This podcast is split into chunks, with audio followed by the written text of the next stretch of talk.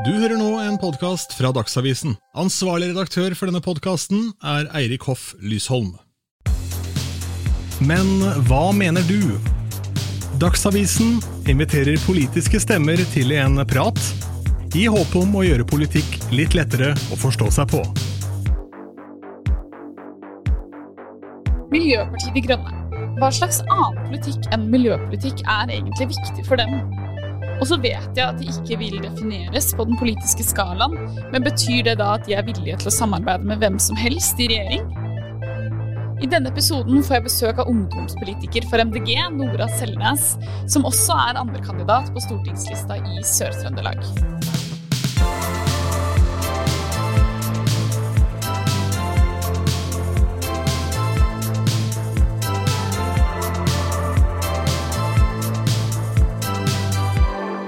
Hei, Nora, og velkommen hit. Takk for det. Du er jo ungdomskandidat, og så står du på andreplass i Trøndelag.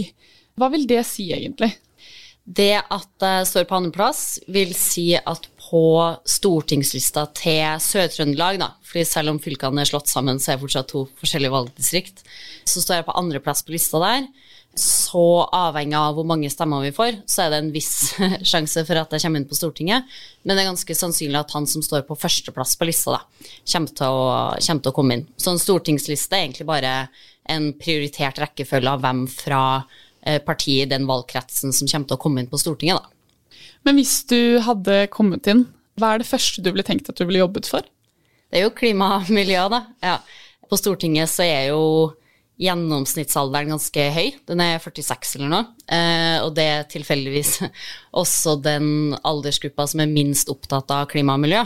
Og det vil jo jeg si at man merker litt i nasjonalpolitikken, da. At man ikke har den kriseforståelsen av ja, klimakrisa, er ikke så opptatt av å få gjennom ambisiøse klimatiltak, da. Så det er jo det jeg ville ha prioritert og kjempa for om jeg kom inn. For du, eller hvor gammel er du? 23. Mm. Så du er jo ganske ung, eh, og da lurer jeg på eh, både hvorfor du mener at det er viktig at unge engasjerer seg, eller hvorfor du selv engasjerer deg for politikk, men også hvordan du føler at du blir møtt eh, som ung politiker mm. eh, i det offentlige rom, da. Ja. Eh, nei, for å ta det første først, så er jo ja, som jeg sa, det at snittalderen i selv det høyeste nasjonalpolitiske vervet, da, som altså Stortinget, er så høyt, gjør jo at på en måte naturlig nok da, så har jo ikke voksne eh, husker ikke helt hvordan det er å være ung, og de vet i hvert fall ikke helt hvordan det er å være ung i dag. Da. Så hvis man vil at unge folk sine interesser skal bli prioritert og skal bli hørt og skal inn i politikken, så må også unge være til stede ved bordet sjøl. Og spesielt for meg som jeg tenker på meg sjøl som en grønn politiker og klimapolitiker, så er det også vi som er unge i dag, og våre barn igjen, da, som må leve med de største konsekvensene av klimakrisa, så er det ekstra viktig at vi eh, sitter ved bordet nå og får bestemme hvordan den klimapolitikken eh, skal se ut. da. Eh, så det er jo grunnen til at jeg er med, at jeg ser at nå liksom hvert år da, siden jeg ble født i 1998, har liksom vært det varmeste året noensinne. Og vi bare slår nye varmerekorder hele tida, og vi ser at klimakrisa har allerede begynt. da. Og derfor vil jeg være med å sørge for at det ikke bare fortsetter. For nå er det veldig mange politikere som har sittet på Stortinget siden 80-tallet og ikke klart å løse denne krisa, da. Så da mm. trenger det nye unge krefter inn, tenker jeg. Og på det med hvordan man blir møtt i media, så er det gjerne litt todelt, da. Altså det er noen, sånn som Dagsavisa for eksempel, er jo veldig flink til å løfte frem unge stemmer og ha liksom egne satsinger med denne podkasten og debatt spalter og sånn, som er spesielt løfta fram for at unge skal, uh, skal få bruke stemmen sin der. Men så er det andre som er mer 'Å ja, du er så ung, så du er ganske uerfaren og vi er ikke så interessert i hva du mener'. Um, og jeg tror ganske mange på min alder og yngre har opplevd at du får sånn 'Å, så flott at du er engasjert'. Mm. Og så får jeg sånn litt sånn eh, klapp på hodet at eh, nesten sånn 'Å, så søtt at du bryr deg om klimakrisa'. Og spesielt med klimastreikene i 2019, så var det jo ganske mange som, som opplevde det, da. At nå er det det er en litt sånn halvartig, søt ting for voksne å se på. Eller så er det jo det at man opplever en del hets, da. Uh, og det er jo ja, dessverre en nedside med det å være i offentligheten som man må prate om, da. Og der viser undersøkelser at hvis du er ung jente og snakker om klima, da får du helt ut Ja, da kan du få ganske mye hets, da. Fra voksne, Uh, og spesielt voksne menn, som liksom er på den motsatte skalaen av deg sjøl, da. Um, så jeg har heldigvis ikke opplevd det så mye. Kanskje fordi jeg ikke er den yngste, og kanskje fordi jeg er fra Trondheim. uh, Mamma mener i hvert fall at, jeg får, at folk blir litt mindre provosert for at det ikke er en sånn Oslo-dialekt som står Ja. og sier nå må du fly mindre og spise mindre kjøtt og ja, kjøre mindre bil og sånn. Så det, men samtidig, da, på, for det er jo lett at det bare ender opp med at man snakker om hets og det som er kjipt med å være i det offentlige ordskiftet, men man blir jo også heia frem av veldig mange, da. Og det er mange som syns det er veldig kult at man er ung og tør å ha meninger. Ikke minst andre som er unge, da.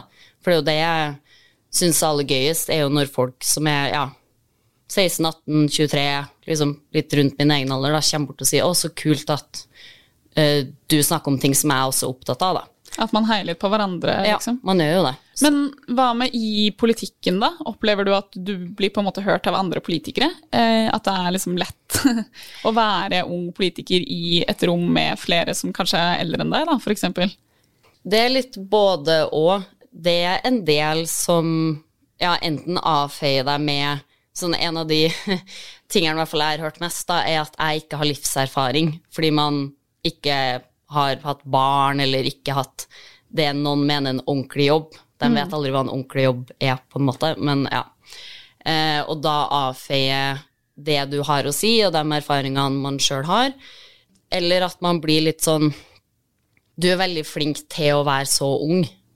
Så Ja. det blir liksom alltid et slags sånn forhold om at sånn Eller forbehold med at ja, men du er jo ung, da. Så det er, noen, det er i noen settinger hvor det kan bli påpekt veldig, at man ikke Det blir litt sånn hysj, nå snakker de voksne, men ja, søtt at du er med. Men spesielt innad i MDG, da, fordi det er en del unge folk der fra før, og vi er et ganske ungt parti med at vi først kom inn på Stortinget i 2013 og sånn, så føler jeg at det veldig at man blir tatt veldig på alvor uavhengig av hvor gammel man er, da. For eksempel så har vi jo noen som er fylkesledere i Grønn Ungdom, altså eh, ungdomspartiet til MDG, som er 14 år gammel, og liksom bare styrer i hele lokallaget, eh, og får veldig mye tillit, da, fordi de har vist at det er noe de har evner til, uavhengig av hvor gamle de er, da. Så det er litt både og. Uh, ja. Så man må noen ganger kjempe litt for å bli tatt på alvor, og andre ganger så blir man heia fram, nettopp fordi man er ung. Jeg tenkte vi skulle komme litt inn på MDG. Eh, Miljøpartiet De Grønne, dere er jo et miljøparti. Det ligger jo litt i navnet at miljøpolitikk nettopp er viktig for dere. Men så blir jeg litt nysgjerrig. Hvilke andre politiske saker er viktige for dere, eller hva annet på en måte markerer dere dere med, da? Ja. Nei, altså aller først så kan jeg si at det som jo skiller MDG mest ut, liksom du peker på, er at vi, vil jeg si da, er det eneste miljøpartiet for vi, vi faktisk tør å prioritere klima selv når det koster noe, da. Og selv om det eh, krever litt av oss å faktisk omstille oss til å tenke at nå må man ta klimakrisa på alvor. Um, men noe av det jeg også liker best med MDG, er det ene er LGBTQ pluss-politikken som vi har, og jeg er veldig stolt over å ha vært med i MDG når vi har ja, gått i bresjen på Stortinget for å sikre at transpersoner må få bedre rettigheter enn det de har i dag, f.eks. For, eksempel. for altså, det er helt sjukt, men fram til 2016 så måtte man eh, sterilisere seg om du ville eh, skifte juridisk kjønn eller skjønn. Eh, så det, det er ganske ja, helt merkelig at man fortsatte med det så lenge uten at det var noe overhodet medisinsk grunn til det. Og den antirasistiske politikken som vi har, da. For det tror jeg jo en del eh, kjenner litt på, da, men det debattklimaet man har i dag, at det er ikke nok å bare være ikke-rasist, du må være antirasist, og det er ikke nok å si at du er antirasist, man må ha politikken som backer det. Eh, Så det at MDG har lyst til å f.eks. ha kvittering når du blir stoppa på gata, sånn at du har håndfaste bevis da, hvis du blir stoppa veldig mye. Mm. For nå avhenger det veldig av at politiet sjøl registrerer det, eller sjøl anerkjenner at de har et problem med at de stopper folk basert på hudfarge, da, for eksempel. Og at vi har lyst til å teste ut anonyme jobbsøknader, men også anonyme søknader i boligmarkedet, da. Ser For at det skal være likt for alle? på ja, måte? for at det skal være likt. Og det er jo ikke det at man løser rasisme med å anonymisere søknader, men det kan være et ledd i å komme forbi det hinderet som folk med en gang støter på, da. For det er jo ikke til å komme bort ifra at det er mange som sitter med fordommer om Hvis med en gang du har et utenlandsklingende navn, da, så tenker jeg at ja, kanskje de ikke er så gode i norsk, og så blir du ikke kalt inn på intervju. Og da får du fjerna det, i hvert fall, og får, får veldig mange Og det tror jeg folk opplever litt sånn uavhengig når du søker jobb òg. At med en gang du får et intervju, så er det så mye lettere å vise seg frem og vise hvorfor eh, du fortjener å få den jobben, da. Ja. Ja. Men det, men det er flere ting jeg lurer på her, um, og flere ting jeg gjerne vil at vi skal gjennom. Uh, det ene er at du sa at du mener at dere er det eneste miljøpartiet, men, men vi har jo flere partier i Norge som jobber ganske hardt for miljøpolitikk, og som har miljø som liksom sine fanesaker. Mener du at de ikke er gode nok på miljø, eller hva er det som gjør at dere er det eneste miljøpartiet, når vi har tross alt har andre partier som også er veldig sterke på miljøpolitikk, da? Ja, så forskjellen på god og dårlig klimapolitikk, det er hvor fort det kutter utslipp, og hvor godt det tar vare på naturen. Og det er jo der hvor jeg mener at MDG er i en helt enig liga fra de andre partiene, for de andre partiene har veldig mye bra på papiret. Eh, Og til og med Senterpartiet gikk liksom til valg på 80-tallet om at vi skal ha null utslipp, og liksom var sånn superambisiøs, så det har ikke mangla på eh, ambisjon på tvers av liksom det politiske spekteret og i alle partier veldig, veldig lenge, da. Men det vi dessverre ser, er jo at når det kommer til stykket, så blir de klimatiltakene forhandla bort, da, eller nedprioritert, eller så står det totalt i clinch med eh, politikk man har på andre områder, da. Eksempel med at både Arbeiderpartiet og Høyre, og Rødt også for så vidt, er for å fortsette med den norske oljeindustrien, enda klimaforskninga sier at vi kan ikke ta opp noe mer olje enn det vi allerede har funnet, fordi olje koker kloden, så vi må bare slutte med det. Og i stedet for å da ta ansvaret for å finne arbeidsplasser til folk andre steder, så fortsetter man bare med det. Fordi man ikke har klima og det å sikre en levelig planet som utgangspunkt, da. Så det handler rett og slett om hvilket perspektiv man har på hvor mye det haster, da, og hvor Hva mye man man er villig til å gjøre. Ja, hva ja. man prioriterer. Men eh, fordi dere sier jo at dere ikke vil inngå noen kompromiss når det gjelder eh, miljøpolitikken deres, eh, hvis jeg har forstått det rett. Men betyr det at dere ville vært, eller ville dere vært villige til å inngå kompromiss på alt annet av politikken deres? Hvis dere fikk gjennom det, på en måte? Nei. eh, Så det ene er Vi har eksempel eh, vedtatt i, no, ja, gjennom flere valg at når det kommer til regjeringssamarbeid, så ønsker ikke vi å inngå samarbeid med Frp. Og det er ikke bare fordi vi står veldig langt fra hverandre i klimapolitikken, men også fordi at vi ser at der er det en ganske stor avstand i hvordan man forholder seg til asyl- og innvandringspolitikk, da, for eksempel.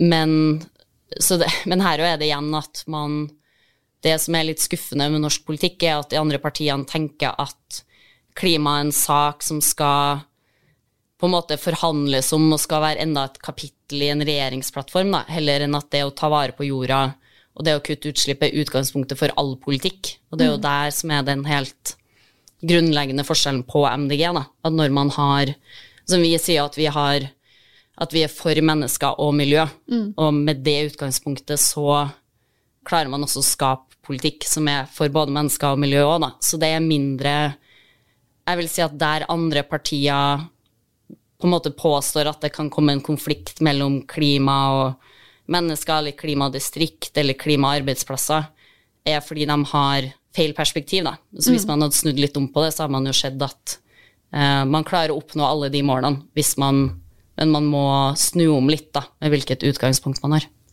Men dere, eller vi har jo i norsk politikk så har vi jo flere sånne begreper som man på en måte definerer de ulike partiene med. Og så har vi også liksom denne høyre- og venstreskalaen og rød-grønne og blå partier. Og så har jeg jo skjønt det sånn at dere helst ikke vil defineres på den skalaen i det hele tatt. Eh, Og du var jo inne på nå at, dere, eh, at det er ett parti, eller noen partier dere ikke ville samarbeidet med, men, men det at dere ikke vil være på den skalaen, betyr det da også at dere kunne samarbeidet med hvem som helst i regjering? Ja, altså det, det er litt sånn Jeg husker bare fra når jeg gikk på videregående at jeg skjønte ingenting av de skalaene og rødt og Nei, blått de- og rødt og venstre og alt det der. Men det, sånn som politikken har vært definert, da, er jo i hvert fall det eh, siste århundre, 200 årene, er jo at man har venstresida og høyresida, og det spekteret, eller de to sidene, er først og fremst basert på økonomisk politikk, da. Ja.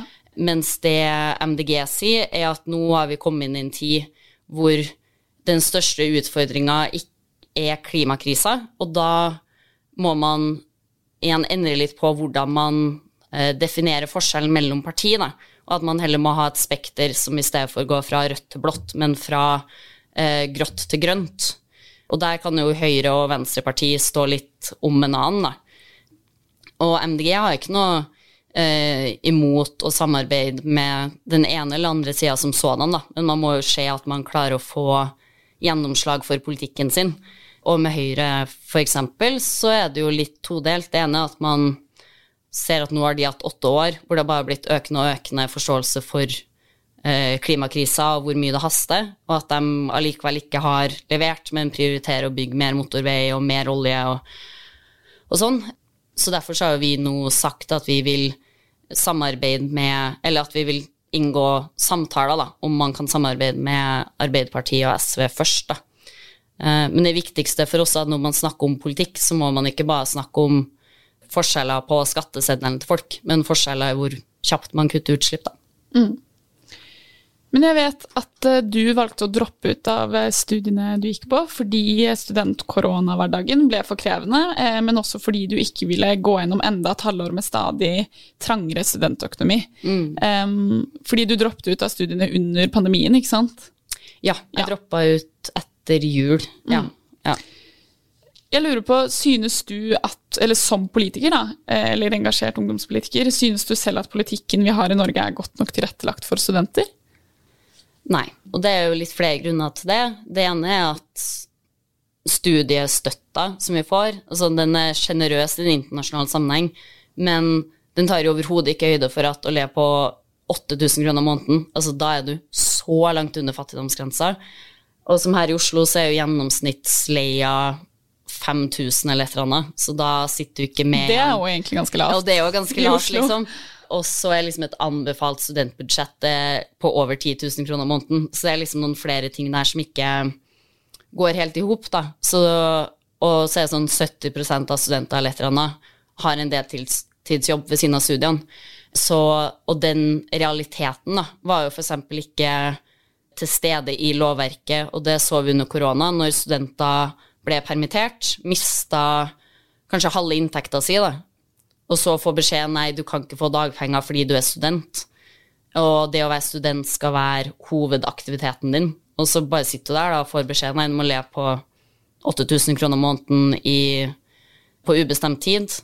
Så ja, den økonomiske situasjonen til studenter er jo noe som studentorganisasjoner varsla om lenge, da, men som jeg tror først folk som ikke er studenter sjøl, fikk øynene eh, opp for nå under korona, når man, så, når man så hvor mange det var som faktisk slet. da. Jeg tenkte at vi skulle bruke litt av den siste tiden også på eh, hvordan det er å på en måte skulle overtale sitt eget parti om noe. Fordi man engasjerer seg jo eh, i et parti eller for politikken, men så er, det jo, er man jo også et individ og har sine egne greier og sine egne meninger. Og som eh, ja, andre kandidat i en kommune, så lurer jeg litt på liksom, hvor lett det er å få gjennom ting du har lyst på. Altså, hvordan foreslår du for et parti 'dette mener jeg', hva tenker dere om det? Og jeg vet at du blant annet vil ha gratis bind og tamponger i Norge. Eh, og at MDG, som jo da er partiet ditt, de har ikke gått inn for det ennå, men du ønsket på en måte å få det med på det. Hvor, hvordan er både hvordan det er å skulle overtale sitt eget parti, men også hvordan er prosessen? Hvordan prøver man på en måte å foreslå noe? Ja, eh, jeg kan ta litt prosessen først. Eh, så siden jeg er også medlem i Grønn Ungdom, altså ungdomspartiet, så har man muligheten til å foreslå ting der også. Så for eksempel så hadde vi et forslag om eh, at det må bli ja, lettere å ta toget mellom storbyene, og at man må innføre flykvoter. Da. Et veldig spennende forslag som dere bare kan eh, google, så får dere opp masse artikler om det. Men da starta det med at man laga et politisk forslag i Grønn Ungdom, og så ble det behandla på det man kaller et landsstyremøte, hvor det er to personer fra hvert fylke som kommer. Og så ble det flertall for at man skulle, for, at man skulle ha den politikken der. Og så ble det vel også vedtatt på landsmøtet til Grønn Ungdom, hvis jeg husker riktig. I hvert fall at vi skulle foreslå det inn til MDG sitt nye program, da, for at alle partiene hvert fjerde år, eller ca. rundt det i hvert fall, så lager man et nytt partiprogram, som man kaller det, da, hvor liksom det her er de tingene de skal jobbe med i neste stortingsperioden. Og alle som blir valgt inn på Stortinget for det partiet, må stemme i tråd med det programmet, da. Så da hadde noen runder i Grønn Ungdom, og så sendte vi inn et forslag om det eh, til MDG sitt landsmøte, når vi skulle behandle det partiprogrammet. Og så ble det stemt over der, da, med da muligheten for at eh, representanter fra Grønn Ungdom, annet jeg, kunne da holde et lite innlegg eller en sånn tominutters eh, tale-pitch mm. på hvorfor man skulle stemme for det, da. Og det fikk nesten flertall, så gikk jo nesten gjennom.